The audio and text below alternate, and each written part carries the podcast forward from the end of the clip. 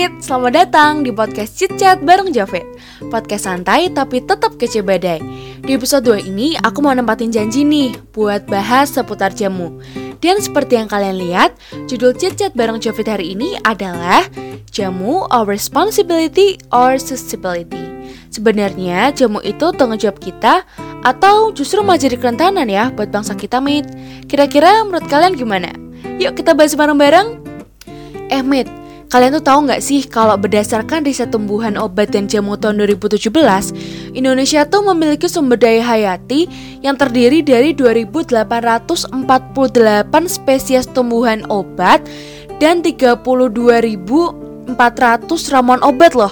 Keri banget gak sih negeri kita ini? Makanya nggak heran kan ada banyak ramuan obat herbal yang ada di masyarakat.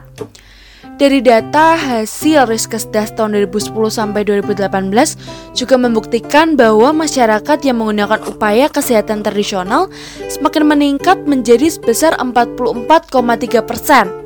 Hal ini tentunya menunjukkan minat masyarakat yang besar terhadap obat-obatan herbal ya, Mit.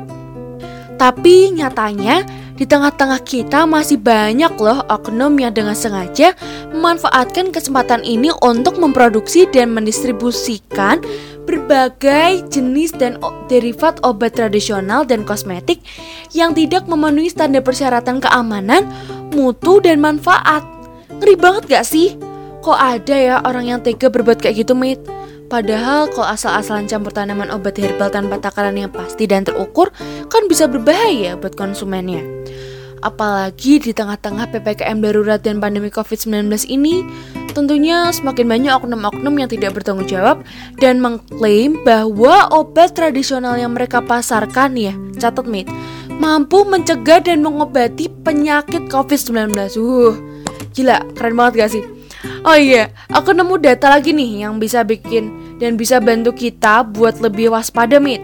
Ternyata berdasarkan hasil pengawasan Badan POM tahun 2020 nih ya, berarti terbaru nih menunjukkan bahwa ada banyak banget iklan obat tradisional yang tidak memenuhi ketentuan sebesar nih, catat 41,8 persen, gila atau sekitar 3.408 iklan dari 8.297 iklan yang diawasi dan ada 76,76 persen atau sekitar 2.616 dari iklan yang tidak memenuhi ketentuan itu. Coba tebak, iklan apa coba? Merupakan iklan media online. Takut gak sih? Ih, ngeri deh. Jelas ini sangat berbahaya ya Mit Apalagi masyarakat kita kan cenderung mudah terbawa arus Dan cenderung mudah menarik kesimpulan sendiri gitu Yang menimbulkan rawannya banyak hoax di masyarakat kita Nah setelah dengar tentang kekayaan jamu Dan banyaknya penyimpangan terhadap pemasaran jamu Menurut kalian jamu itu termasuk tanggung jawab Atau malah jadi kerentanan buat bangsa kita? Tentunya sih jadi tanggung jawab kita ya Mit Soalnya kalau bukan kita terus siapa lagi coba? Soalnya nih ya, pada tahun 2030 sampai 2040 aja, Indonesia diprediksi akan mengalami masa bonus demografi yang artinya jumlah penduduk usia produktif kayak kita-kita ini akan lebih banyak dibanding jumlah penduduk non-produktif. Wah, info baru nih buat kalian, mate. Jadi, tunggu apa lagi, mate? Tunggu jamu jadi budaya yang hampir punah dulu baru bergerak. Oh, no, no, no. It's too late. We have to move now. Kita ini aset bangsa yang harus bisa menjadi agen atau duta yang berperan sebagai spokesperson pada masyarakat yang sering kali masih menutup mata dengan keamanan obat tradisional yang mereka konsumsi dan tentang awamnya masyarakat kita tentang kehebatan jamu untuk masa depan bangsa kita. Kamu mah enak, Jo, udah jadi duta jamu aman. Pasti udah dapat pembelajaran dan sosialisasi kan tentang jamu. Kalau kita yang masih om-om gini, gimana mau sosialisasi ke orang lain? Kalau sendirinya aja masih pelongo-pelongo. oke oke, tenang, aku tahu kok. Makanya yuk dengerin biar tahu. Kita semua kan tahu nih kalau jamu itu bukan hanya budaya bangsa kita, tapi juga kekuatan negeri kita. Makanya kita harus dukung pengembangan jamu dan meningkatkan kesadaran masyarakat tentang pemilihan jamu yang aman untuk dikonsumsi dong.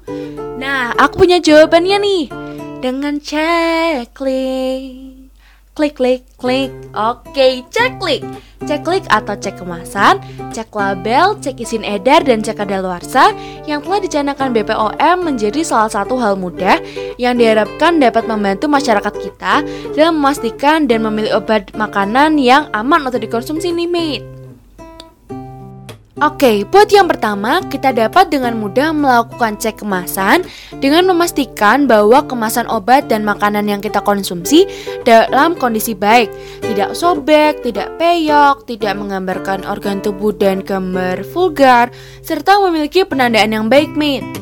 Kalau cek label dapat kita lakukan dengan memastikan bahwa dalam kemasan produk mengandung nama produk, berat bersih, nama dan alamat produsen, nomor izin edar, komposisi, kode produksi, kadaluarsa, aturan pakai, kegunaan dan cara penggunaannya, serta peringatan dan perhatian nih mate. Selanjutnya ada cek izin edar yang juga menjadi salah satu langkah penting loh untuk memastikan keabsahan izin edar produk, kita dapat melakukan cek izin edar yang tertera melalui cek BPOM dan BPOM Mobile yang dapat diunduh melalui Google Play Store. Kalian udah pada tahu belum kalau cek BPOM dan BPOM Mobile ini sangat membantu kita loh, Mit, karena sifatnya simple dan bisa diakses di mana pun dan kapan pun. Terakhir, jangan lupa untuk melakukan cek kadaluarsa ya, Mit harus memastikan bahwa produk yang kita konsumsi tidak melewati tanggal kadaluarsa yang ditulis dengan urutan tanggal, bulan, dan tahun, atau bulan dan tahun saja. Jadi, gimana? Gampang banget kan? Dengan ceklik, kita dapat membantu masyarakat untuk menjadi masyarakat yang lebih awas dan lebih cerdas terhadap produk obat herbal dan makanan. Untuk itu, yuk kita sebagai generasi milenial yang bijak terus dan selalu memperhatikan kesehatan masa depan bangsa dengan terus mengedukasi masyarakat untuk terus melakukan ceklik untuk Indonesia sehat. Karena apa? Karena ingat sehat, ingat ceklik.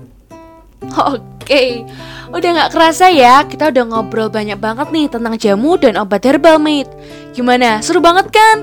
Makanya jangan lupa buat terus dengerin podcast Cicet bareng Jovit buat tahu hal-hal baru ya, mate.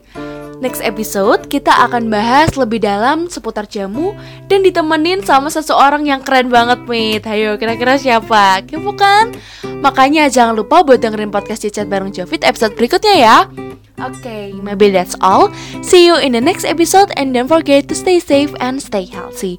Bye-bye, mate.